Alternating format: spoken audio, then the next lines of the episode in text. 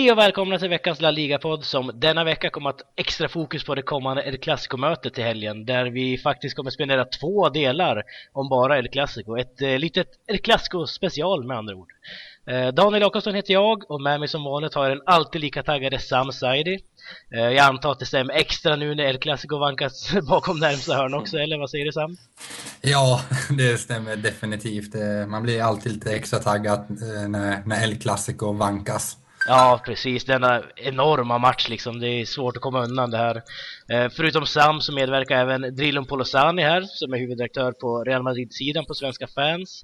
Och han kommer bidra med lite extra Real Madrid-perspektiv denna vecka. Eh, först och främst, jättekul att ha dig med här, Drillon. Tack detsamma, detsamma. Det är jättekul att vara tillbaka Ja, i precis. Podcast Universe. Ja, ni hade ju eran podcast där på Real Madrid-sidan för några månader sedan, eller ett år sedan kanske, jag kommer inte ihåg. År, det är nog år, jag minns inte riktigt. Ja, men det är precis. mer än ett år sedan. Ja, ja, men härligt att ha med dig. Eh, Du kanske kan börja med att förklara lite kort varf- eh, hur din relation till Real Madrid tagit fart från början. Klichéartat, men sant. Eh, sedan finalen 2002. Det var, det var också ungefär den tiden jag började kolla på fotboll. Och finalen 2002, Zidans volley. Det Mm. var love at first sight. Ja, det är ändå 12 år sedan så det ju varit med ett tag ändå då, kan man väl Ja, säga. typ. Jag, jag började, det var lite, liksom stegvis, mer och mer började jag kolla sen. Efter ett antal säsonger var det varje match in och ut, liksom. Hela Ja. packet. Ja, men härligt. Ehm, Men innan vi går in på det Clasico som vi kommer spendera väldigt mycket tid på så tänkte jag att vi ska prata lite generellt om Spanien och den spanska fotbollen som har varit och kommer vara. Framförallt då Copa del Rey som nu är lottat. Real Madrid, Yes. Barcelona, Atletico eh, lottas på samma sida av eh, lottnings... vad heter det? Trädet. Ja. kan ni därmed inte mötas i finalen. Vad tycker du, vi börjar med dig Sam, om lottningen i stort? Eh, ja, jag tycker eh, på både, ja, tycker det är lite roligt att, eh, att det inte blir samma vanliga final liksom. Nu har det inte varit alltid, men att det är någon av de tre stora om man får säga så. Jag räknar med Atletico där nu. Eh, liksom att det blir bara en av dem i final. Eh, jag tycker det är kul att det blir lite underdogs. Jag eh, kollar faktiskt lite på ditt Deportivo La Coruña som har goda möjligheter att ta sig till final. Så att, ja, jag tycker det är roligt faktiskt. Mm, vad tycker du om lottningen Drilon? Ja, en eh, intressant lottning. Som Sam sa, jag behöver inte upprepa hans ord, men eh, eh, det, blir det blir kul att se kvartsfinalerna och semifinalerna på den högra sidan, som det brukar kallas nu, höger sida. Ja, eh, Real Madrid, Barca har Atletico lottat till. Men jag har Ja. inte alldeles eh, för, för djup koll, så Mm. ja. Eh, Real Madrid och Atletico kan ju faktiskt mötas redan i nästa omgång om man skulle ta Precis. Spetalet och Cornella vilket kan vara ganska intressant då. Eh, Men jag tänkte, ser ni något lag som har en lite lättare lottning kanske om vi kollar på den andra sidan av trädet här om ni nämner att de här tre giganterna här vad tror vi om den här Sam? Eh, Är det något lag som har lite lättare lottning framför sig? Menar du då de tre giganterna? Vilka som har... Förutom de tre giganterna. Vilka som, ah, det är svårt att säga. Jag, ehm, ja, som jag sa, jag tycker Depor, och, men jag skulle nog istället för att säga att Depor också kommer möta Celta Vigo i en event, eventuell eh, kvartsfinal där. Så jag skulle säga att Celta Vigo har ju väldigt bra läge, men framförallt har ju, om jag kommer ihåg rätt här, är det Valencia som är på den högra sidan också här. Ja, de är på vänstra sidan. De har ju alltså Ja. Vallecano och eh, de är alltså inte på Real Madrid, Atletico, Barca-sidan. De är på Ja, andra just det, sidan. så jag menar. Ja, ja, men då har ju de definitivt eh, väldigt goda möjligheter att ta sig till final och liksom en relativt enkel väg, om man säger så. Precis. Eh, möter ju i sådana fall eventuellt Sevilla då kan vi väl anta där i en kvartsfinal kanske. Och Ja, det blir så tufft. Mm, absolut. Men det, det är lite kul med de här Copa del Rey tycker jag att vi kan få ett lag som, du, du nämner Deportivo, det skulle vara helt underbart att se dem i en Copa del Rey-final igen liksom. Eh, att det är sådana här lag som kan få chansen att möta typ ett Barca på, låt säga, jag vet inte, Vicente Calderón. Och där kan ju liksom vad som helst hända i en cupfinalmatch, det vet vi om liksom. Ehm, jag vet inte om man kan analysera den här lottningen så värst mycket mer med tanke på att de inte ens har spelat de här matcherna än. Så vi kanske får återkomma till det i något kommande avsnitt tänkte jag. Eh, annars då, i ligan här, inga större skrällar vad jag kan skåda. förutom att Deportivo äntligen då, mitt Deportivo, besegrade Valencia av alla lag med tanke på allt som har hänt där mellan de två lagen tidigare med Djukic straffmiss på 90-talet och att det var faktiskt Valencia som skickade ner Deportivo första gången. Yes. Ja, nu på 00-talet här. Detta var alltså Valencias första förlust för året. Eh, är smekmånaden slut för Valencia, Drillon? Efter att ha sett Valencia mot Atletico är mitt svar nej direkt. Eh, det känns som det var inte bara en tillfällighet. Eh, alltså det, det var en attityd som jag inte har sett på länge hos Valencia. Alltså, som jag inte sett sedan 2004 faktiskt. Du tänker på Atletico-matchen här nu eller? Precis, Atletico, alltså 3-1-vinsten mot Atletico. Första halvlek där var ju monstruöst bra eh, från Valencias sida. Det liksom satt på alla lagdelar. Mm. Eh, nu såg jag inte matchen mot Deportivo. Eh, vad handlade det om där liksom? Var det någon underskattning? Eller vadå? Varför lyckades Deportivo vinna så överlägset? Om man ser till siffrorna. Uh, ja, det vet jag inte riktigt, men man vinner alltså med 3-0 och det är ganska ja, komfortabel, alltså komfortabel seger. Och jag mm. tänker liksom vad, vad, vad tror du Sam? Är det liksom att Valencias lilla smekmål, de har ändå rullat vidare i ligan utan att egentligen alltså blivit speciellt hotade tills den här matchen. Och vad tror du Sam? Är det över nu? Jag tycker att det är lite hårt att säga att den skulle vara över efter en förlust. Eh, jag tror man kan börja prata eh, i de termerna om det skulle komma ännu en förlust nästa omgång eller kanske ännu en till efter det.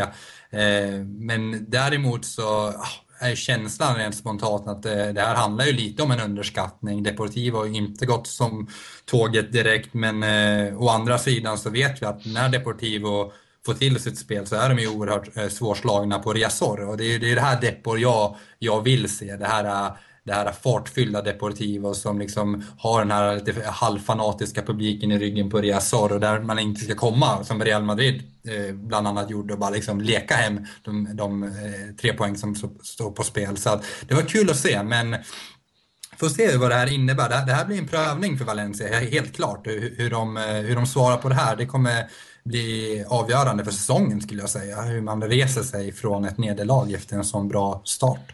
Precis, och vi har, det är jättekul att du hyllar Deportivo snarare än att klanka ner på Valencia. Det gillar jag som Deportivo-supporter givetvis. Eh, Valencia har nu de tre, av fyra kommande matcherna så har man alltså tre matcher mot lag i Valencia-området. Så man, ja, varav hemmamatchen är mot Atletic, så att fyra av de fyra kommande matcherna är mot lag i samma region, vilket kanske kan vara bra att få upp momentumet igen. Mm. Men eh, jag vet inte, vad, vad, vad, tycker du annars har varit präglat detta Valencia Drillon? Är det någonting du har sett som sticker ut från exempelvis förra året? Attityden som jag sa tidigare. Det var mm. en helt annan eh, eh anammar. Det var lite, det var mycket mer eh, eh, kämpaglöd. Och det, jag vill bara hylla eh, den här hörnvarianten i 3-0 målet mot Atletico. Det, jag har inte sett så mycket mer av Valencia faktiskt. Det är den matchen jag eh, baserar de flesta fördomar på. Mm. Men eh, eh, jag har diskuterat med mina vänner mycket om den här varianten. Den här eh, att liksom, tre spelare ställer upp i konga-position och lurar hela Atletico-försvaret. Jag hade själv blivit lurad av en sån variant. Och jag, jag är helt säker på att det inte var av slumpen.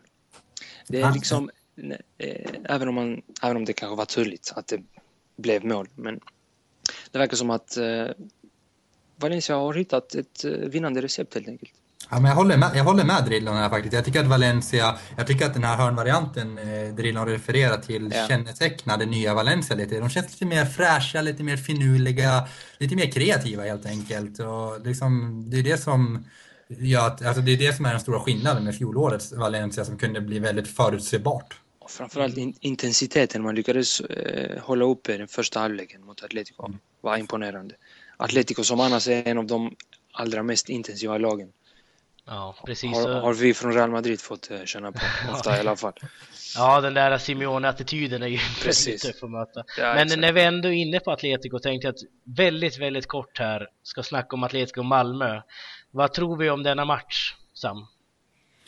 Eh, oj. Eh, kul med lite svensk perspektiv här. Ehm, jag, jag tror eh, att det kommer bli tre poäng till Atletico såklart. Jag, jag, jag, jag, jag, kan inte tänka mig att Malmö ska kunna störa Simones mannar på Vicente Calderon. Möjligtvis senare i Malmö så kan det bli liksom lite svårare för Atletico, men på Vicente Calderon ska inte Malmö ha någon, någonting att hämta om, om Atletico Madrid liksom får upp den här eh, Simone-attityden. Liksom. Mm. Håller du med Drilon? Ja, jag håller med till fullo. Ja, trots att du är skåning. trots det, men äh, ja. vad man kan säga där är att äh, Malmö får köra på med samma taktik som de har gjort nu i de mm. senaste CL-matcherna, inklusive kvalet. Med lite 3-5-2, 5-3-2. Suga upp trycket, kontra och hoppas på det bästa och kämpa. Ja, och Ända här... in i det sista. Så kan man åtminstone kan hålla siffrorna nere eller vem vet, få med sig en pinne. Ja, det är väl kanske lite önsketänkande, men vi får se. Men jag tänker att den här matchen kommer vi säkert återkomma till nästa vecka eventuellt. Så vi ska faktiskt sätta stopp för del 1 här och när vi är tillbaka så är det full fart mot El Clasico.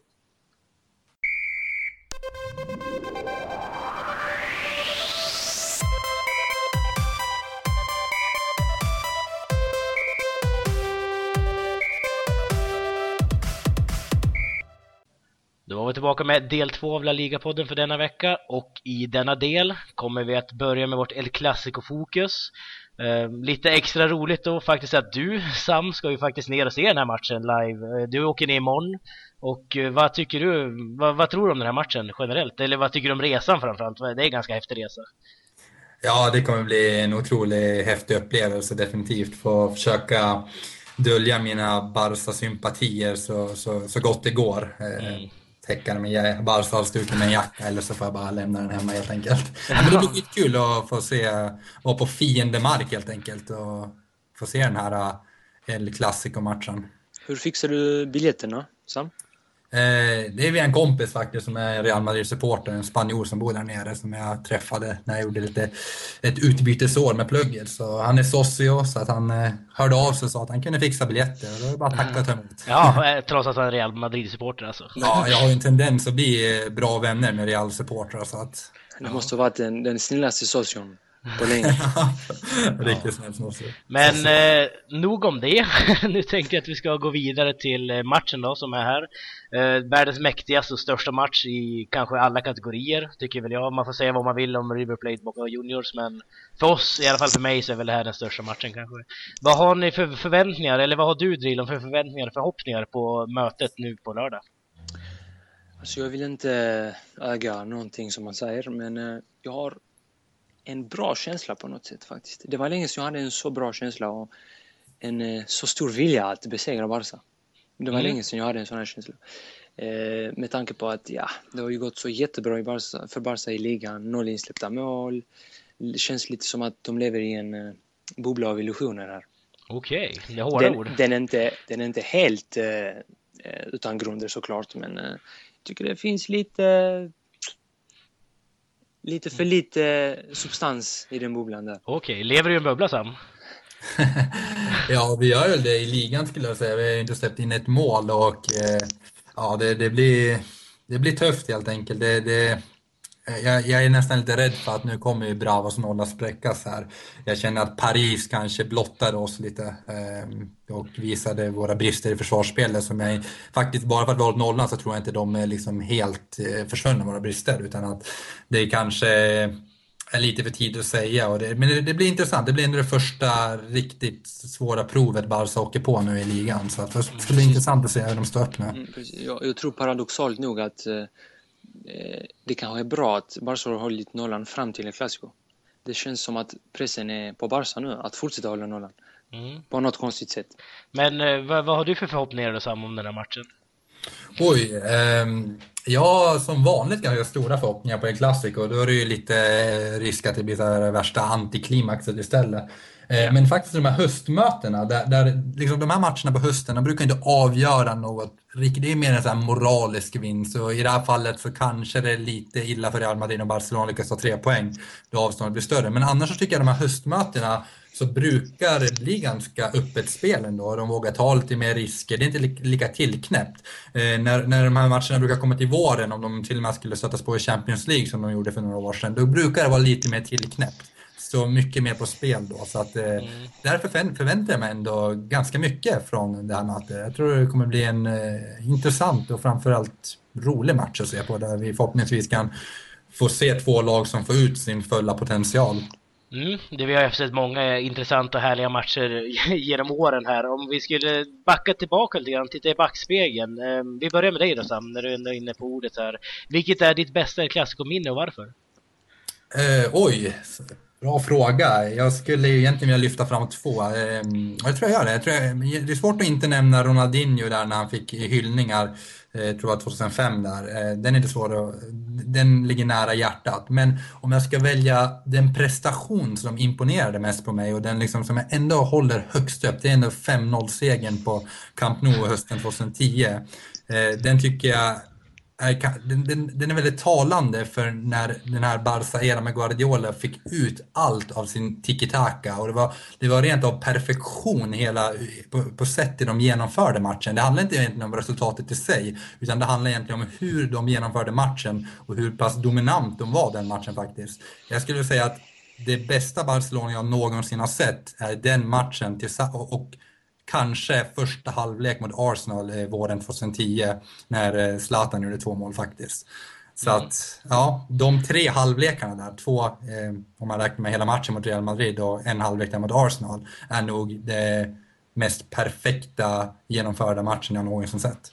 Mm, jag antar att inte du håller med Drillon. Vad är dina favoritminnen av det Jag håller med mycket att eh, alltså de här punkterna som Sam går igenom vad gäller Barca. Och det var ju såklart en helt otroligt förnedrande förlust, 5-0 förlusten. Men jag på något sätt kändes och känns fortfarande 6-2 förlusten på Bernabeu mer. Eh, liksom eh, inte bara hur, hur pass bra Barca var men även hur pass dåliga Real Madrid var. Mm. Alltså, eh, liksom, Ett av dina sämre minnen kanske man kan säga. Helt, helt vilsna i taktiken, hade inte en aning om hur de skulle försvara sig mot det här eh, nyinförda eh, tiki-taka från Pep Guardiola. Och det var också någon eh, eh, ny artikel nu här på sistone eh, baserad på den nya biografin, Guardiolas mm. biografi, som avslöjade att det var också först då, första gången Messi spelade som falsk nia. Och Cannavaro och Metzeler hade ingen aning om hur, man, eh, hur de skulle liksom agera för att mm. stoppa detta. Men det var bara en, en detalj i det hela. Om man, jag kollade också på reprisen häromdagen och det var bara smärtsamt. Men det är ditt bästa minne av en klassiker? Det är också svårt, precis som Sam sa innan. Eh, man har sett många. Det kanske är mest eh, känslomässigt eh, uppfyllande var Copa del Rey-vinsten 2011 mm. när Ronaldo nickar in den. Då, då, alltså, då brast man ut i tårar faktiskt. För det var all den alla de åren dessförinnan av eh, nederlag och så kom detta. Vi kunde äntligen besegra Barca. Det kanske ja. inte den mest... Eh, den, kanske inte den mäktigaste vinsten. Jag håller eh, 2-1-vinsten på Camp Nou året därpå som lite högre, lite mer, av lite högre kaliber. Men känslomässigt mm. 1-0-vinsten, eh, Copa del Rey. Men även Paseo 4-1. Den är ju, ja. om vi, när vi snackar om förnedringar. Okej. Okay. Eh, men eh, ditt eh, värsta minne då Sam, är det 4-1 eller Copa del eller är det något annat du tänker på? Nej, jag tycker Drillon var inne på det. Man kan också dela upp det här i två, två aspekter. Den första när det kommer till den mest förnedrande prestationen och den match där Real Madrid faktiskt körde över Barcelona så är det El Pasillo 4-1 matchen där 2008. Det var ju verkligen klasskillnad mellan lagen. Det som kanske var den absolut ja, ska man säga, den som kändes mest är också Copa del Rey-finalen 2011. För jag tycker att Barcelona var ett bättre lag, förtjänade segern och de, den eran var ju liksom, det var då Barca liksom pikade helt enkelt. Och, ja, den sved väl lite mer än 4-1 förlusten. Den 4-1 förlusten var väl kanske bara lite mer, ja, ligan var avgjord, det var lite förnedring och så, men mm. det, det, var lite tråkigare med eh, Copa del Rey-förlusten. Ja, för de åren var ju de här matcherna stekheta, så under Guardiola Mourinho tänkte jag framförallt på. Um, ja. Har de här matcherna svalnat lite grann eller är det inte lite... Jag tycker i alla fall som neutral att det inte är samma hetta i de här matcherna. Vad tycker du Dillon? Jag tycker detsamma, tack och lov. För det var ett tag alldeles för mycket. För mm. stor fokus och för mycket fotbollsorelaterat som, alltså, som försiggick där. Va, vad tänker du på? Eh, alltså, det här hetset utanför plan, kommentarerna, tränarna emellan, spelarna emellan ute i media och även supportrarna. Det var till och med någon som hade, som det rapporterades i media, någon supporter som hade tagit livet av en annan supporter. Oj. Ja, sånt det där i, i sambandet, ja precis, i samband med de här. Sånt kan, kanske ju händer idag, men just då uppmärksammade media det och det är det som är, det är det som är hela grejen. Att alldeles för stor uppmärksamhet. Ja, och li, lite för många matcher också. Det liksom tappade smaken lite. Ja, det var ju fyra matcher eller liknande på bara två veckor eller sånt där. Ja, vad, vad, tycker du Sam? Har det svalnat lite grann med Clasico-mötena? Alltså för en Barcelona-supporter, och jag antar att det är samma för er, så svalnar väl aldrig riktigt det Clasico. Men, men jag håller med att det var, det var under, speciellt när Mourinho kom till, till Real Madrid så blev det något extra liksom. Just med att Mourinho är en väldigt speciell karaktär. Och det blev nästan som att han skulle hamna mycket fokus på Mourinho helt enkelt. Precis, så, precis. På både gott och ont. På ett sätt så kan jag tycka det är lite roligt för det liksom tänder ju upp något extra, något extra. Men just det här som Drilon var inne på att de möttes, eh, eller de, de, de stötte på varandra så många gånger där ett tag, våren 2011 framförallt med Champions League och allt. Så blev det lite tjatigt och det blev så lite bara löjligt i slutändan. Och ja, det blev fokus på fel saker så att man tröttnade helt enkelt på det. Men å andra sidan, ja det är en svår balans där. Jag tycker att nu när Ancelotta kom in så har vi kommit tillbaka till den här lite mer, vad ska man säga, respekten mellan klubben. För Barcelona och Real Madrid har ändå haft någon respekt däremellan. Även om det har funnits en stor rivalitet. Den respekten försvann lite under Mourinho skulle jag säga. Och jag lägger över det här lite på Mourinho för jag, jag tycker någonstans att han var boven i dramat här. Ja, ja, men han är väldigt speciell på hur han är också. Han ska alltid liksom ta på sig själv på något sätt. Vara en martyr, bygga ja. vidare på det med sina lag. Vilket han gör med Chelsea och Inter och allt vad han har gjort med Porto också till att börja med. Um, men vi ska faktiskt sätta punkt för del två. Det går väldigt snabbt här och när vi är tillbaka så fortsätter vi med El Clasico.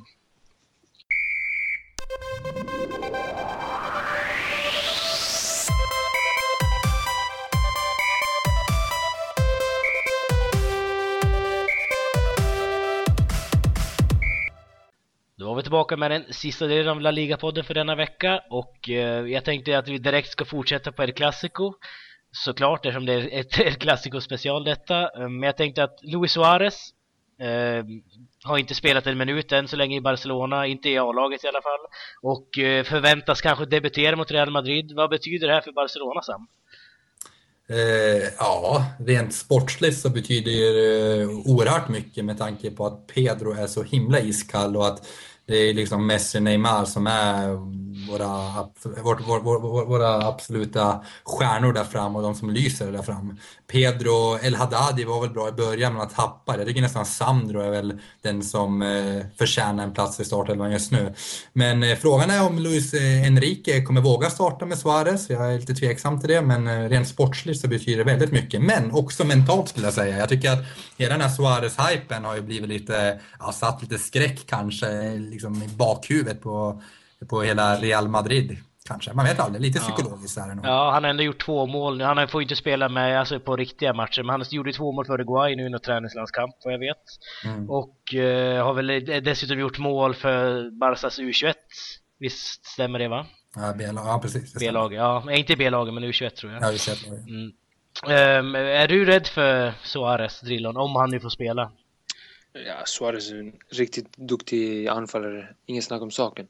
Mm. Lika Men, många mål eh, som Ronaldo i fjol. Eh, okej, okay, okej. Okay. Ja, ja, han var fantastisk i Liverpool och vi ser Liverpool hur de spelar utan honom. Mm. Eh, men jag är tveksam till att han får starta matchen. Jag tror som Sam är inne på att Luis Enrique inte vågar riskera. För det handlar ändå liksom det är ett El Clasico. Hade det varit vilken annan match som helst hade han nog eh, tagit risken och startat med Suarez. Men det känns som att eh, lite mer än hans eh, individuella förmågor måste tala för att han ska mm. starta en sån match. Vill du att han ska starta Sam? Uh, jag är kluven i den frågan. En, en, den mer romantiska sidan av mig vill att han ska starta och bara frälsa Barcelona. Men å andra sidan så om vi ska vara lite mer realistiska och inte alltför naiva så har Suarez inte spelat en riktig tävlingsmatch för Barcelona. Han är inte liksom, han har inte kommit in i spelet. Liksom, jag tror inte det är så enkelt. Det, liksom, det känns så enkelt att bara slänga in honom och hoppas att han ska leverera. Men precis, jag, tror det, jag tror det är svårare än så. Liksom. Jag tror eh, det kan vara både dömt och ja, det är en chansning om, om man låter honom starta. Men eh, nej, jag vill nog inte att han ska starta. Jag vill däremot att han ska komma in i, i matchen. Eh, mm. Oavsett vad det står. Det hade varit ett bättre taktiskt drag, definitivt. Mm. Mm. Ja, vi får se vad som händer. Det är lite tidigt att säga just nu. Vi har ju inte någon start eller någonting framför oss här. Uh, jag tänkte att vi ska vidare med Real Madrid. Har ju gått som tåget nu, men man har en tuff, tuff bortamatch mot Liverpool nu på Anfield. Till veckan. Liverpool har i och för sig tappat lite form och sådär, men det är alltid svårt i Champions League på bortaspel, det vet vi ju. Uh, har man tid, Real Madrid, att ställa om och fokusera fullt ut mot Barca till helgen, Drilon? Det bör man ha. Det enda avbräcket är att Bale missar båda matcherna, vilket är jävligt synd. Jag hade önskat att han spelade åtminstone en av dem. Mm. Men eh, bortsett från det så ska Real Madrid ha truppen till detta. Det gäller bara att rotera smart. Mm. Det är det som är nyckeln. Eh, vad tror du Sam, att kan de ställa om här i Madrid? Det är ändå en tuff bortamatch liksom som man står inför. Vi vet ju Rick förra gången de spelade, det var ju 4-0 till Liverpool. ja, det var ju Liverpool i ett lite, hade ett lite bättre lag då kändes det som. Eh, men eh, ja, de kommer hinna ställa om. Det är ändå ett helt klassik och jag tror ah, det, där, det där kommer inte spela någon roll i slutändan. Mm, det var ju lite snack i veckan här om Raheem Sterling. Han snackade om att han är utbränd och att man spelar för många matcher. Två matcher i veckan tycker han är för mycket. Eh, vad, vad, tror du om det här Drillon? Kan det ligga någonting i att de blir lite utbrända spelarna här? Alltså jag vet inte. Det, det känns som att det är en del av yrket liksom. Det, mm. det, Sterling är inte ensam om detta. Han är, nog han är nog ett undantag snarare än en regel.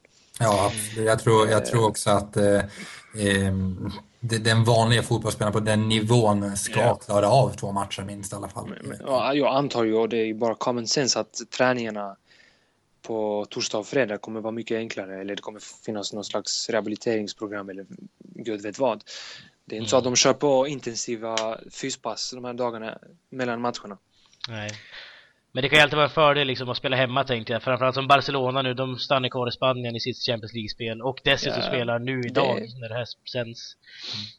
Det, det kanske kan vara en fördel för Barcelona, jag vet inte.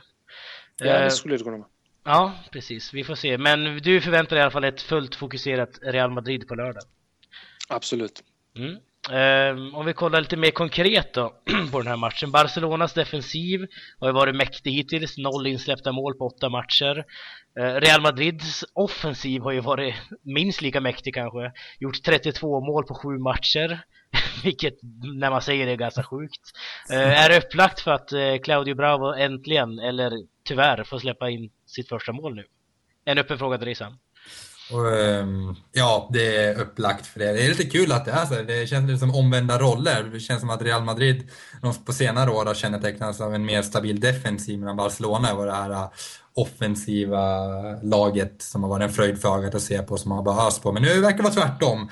Ehm, men ja, jag tror att Bravo ligger väldigt illa illa till. Ehm, och jag faktiskt inte, det, det är mest, som oroar mig mest är ju nästan fasta situationer. Jag tycker Barcelona fortfarande har otroligt stora problem och jag vet att eh, med fasta situationer känns nästan som att det är en eh, målchans fort det blir en hörna eller bara en frispark nära straffområdet. Så att det kommer bli en utmaning och med tanke på att Real Madrid är otroligt starka på fasta situationer, jag tänker framförallt på Sergio, Sergio Ramos och även Ronaldo, eh, så kommer Bravos nolla vara, ja, den ligger illa till.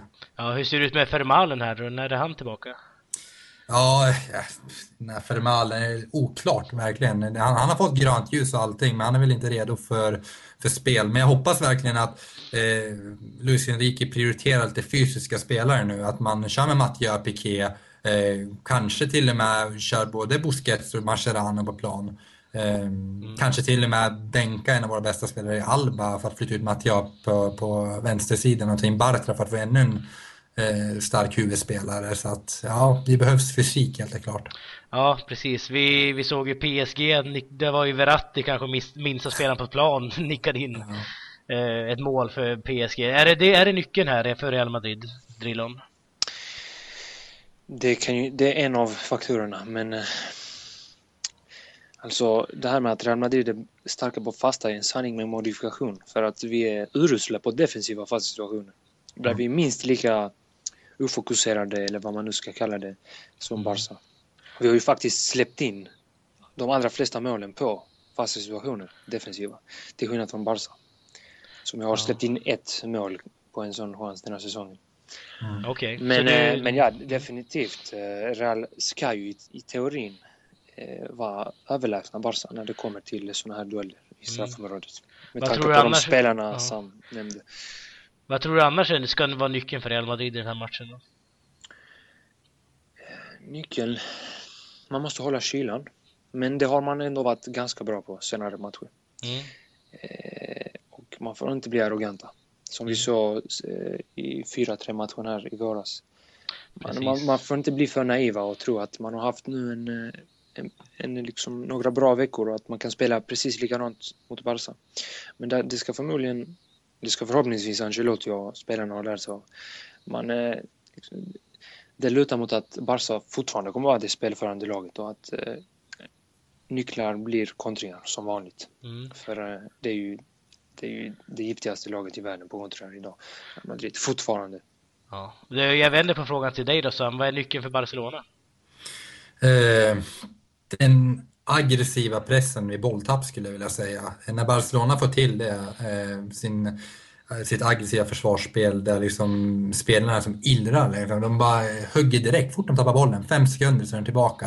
Eh, det tror jag är nyckeln. Å andra sidan så, för det blir lite problematiskt för Barcelona nu när man, för man har fortfarande Guardiola. Guardiola på både gott och ont har ställt till det väldigt mycket för Barca. För att samtidigt så kanske man måste också mixa det, att man faktiskt faller tillbaka ibland och liksom låter Real Madrid ha bollen lite eh, för att försöka kontra ibland. Jag vet inte. Det, ja, men jag, jag, jag, skulle fortfarande säga att försvarsspelet kommer vara nyckeln. Men det tycker jag... Olikt. Förlåt. Det tycker jag Tata Martino förra säsongen eh, angrep eh, ganska bra. Speciellt första mötet på Camp Nou. Där, mm. Där backade Barca tillbaka lite och det blev ganska problematiskt för Real som hade en i grunden hyperdefensiv uppställning med Ramos i mittfältet. Så det var, jag tror det är definitivt en bra liksom en bra idé men samtidigt har Real Madrid också blivit lite bollskickligare nu i mittfältet med Toni Kroos, James, Isco som förmodligen kommer starta matchen. Så det, mm. I slutändan tror jag att individuella prestationer kan vara avgörande faktiskt. Ja, det är ju det är ganska du, jämnt. Ja, kul att du nämner det här med individuella prestationer för det tänkte jag ta upp här lite snabbt bara. Vi har alltså, jag vet inte om vi har haft så här stjärnglatt någonsin i de här mötena. Mm. Ronaldo, Messi, Neymar, James Rodriguez, Suarez, Benzema. Nu missar ju förvisso Bale matchen. Mm. Han finns ändå där någonstans. Vem stjäl showen, Sam? Oj, eh, jag hoppas ju Messi gör eller Neymar eller någon av Barcelona. Suarez hade ju varit häftigt. Men jag, jag, vill höja varningens finger faktiskt och det är inte för en Barcelona-spelare utan det är faktiskt för Isco.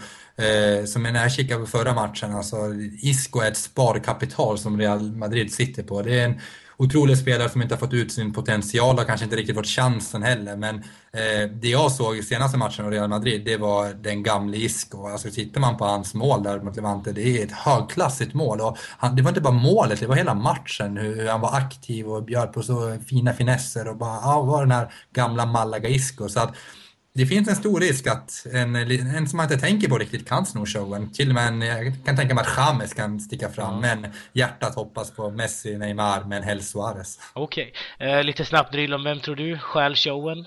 Jag har svårt att säga emot Sam där vad gäller Isco, men eh, liksom på magkänsla säger jag James. James, okej, okay. yeah. härligt. Um, då säger jag Benzema, faktiskt. Mm. Ehm, men eh, vi ska, vi sätter faktiskt eh, punkt där för El Clasico specialen och ska nu vända fokus till dig Sam som ska presentera veckans Tokiero och veckans Faubert. Veckans Faubert är lite roligt när vi var med Drillon här nu, Real Madrid liksom. Ehm, Sam, kan du motivera? Ja, eh, veckans Tokiero går denna vecka till Carlos Bacca som fortsätter leverera för ett Sevilla som dessutom har börjat alldeles utmärkt denna säsong. Eh, jag tycker denne Bacca är en väldigt underskattad spelare som faktiskt en, eh, ja, han, han gör mål efter mål och han är en otroligt nyttig spelare om inte annat. Så att ja, det förtjänar han. Mm. veckans Faubert? Veckans Faubert går till den gode Caparros som vi har hyllat hela säsongen. Men eh, ja, eh, han fick ju cred när det gick bra för dem, så nu får han ju ta på sig det här också nu när de sitter på fyra eller fem, nej, fyra raka förluster här. Så att eh, han har ju tappat allt helt enkelt i stort sett. Han måste vända på den här negativa trenden. Eh, men eftersom han fick credit för, för alla framgångar så får han nu också Faubert-rollen när det går lite tyngre. Precis, och det har ju gått väldigt tungt sen vi började hylla framförallt. Ja. Så vi får väl ta del där lite grann. Kanske. Ja, jinxa lite känner jag. Precis. Vad tycker du om listan, Drillon? Låter det bra? Jag tycker det låter bra. Härligt, men eh, då ska vi faktiskt eh, tacka dig Dillon och eh, att du ville vara med och medverka i programmet. Sen önskar jag dig lycka till Sam med din flygning ner till Madrid för detta El Clasico-möte. Och vi hörs och syns nästa vecka. Tack för oss! Tack så mycket, tack så mycket.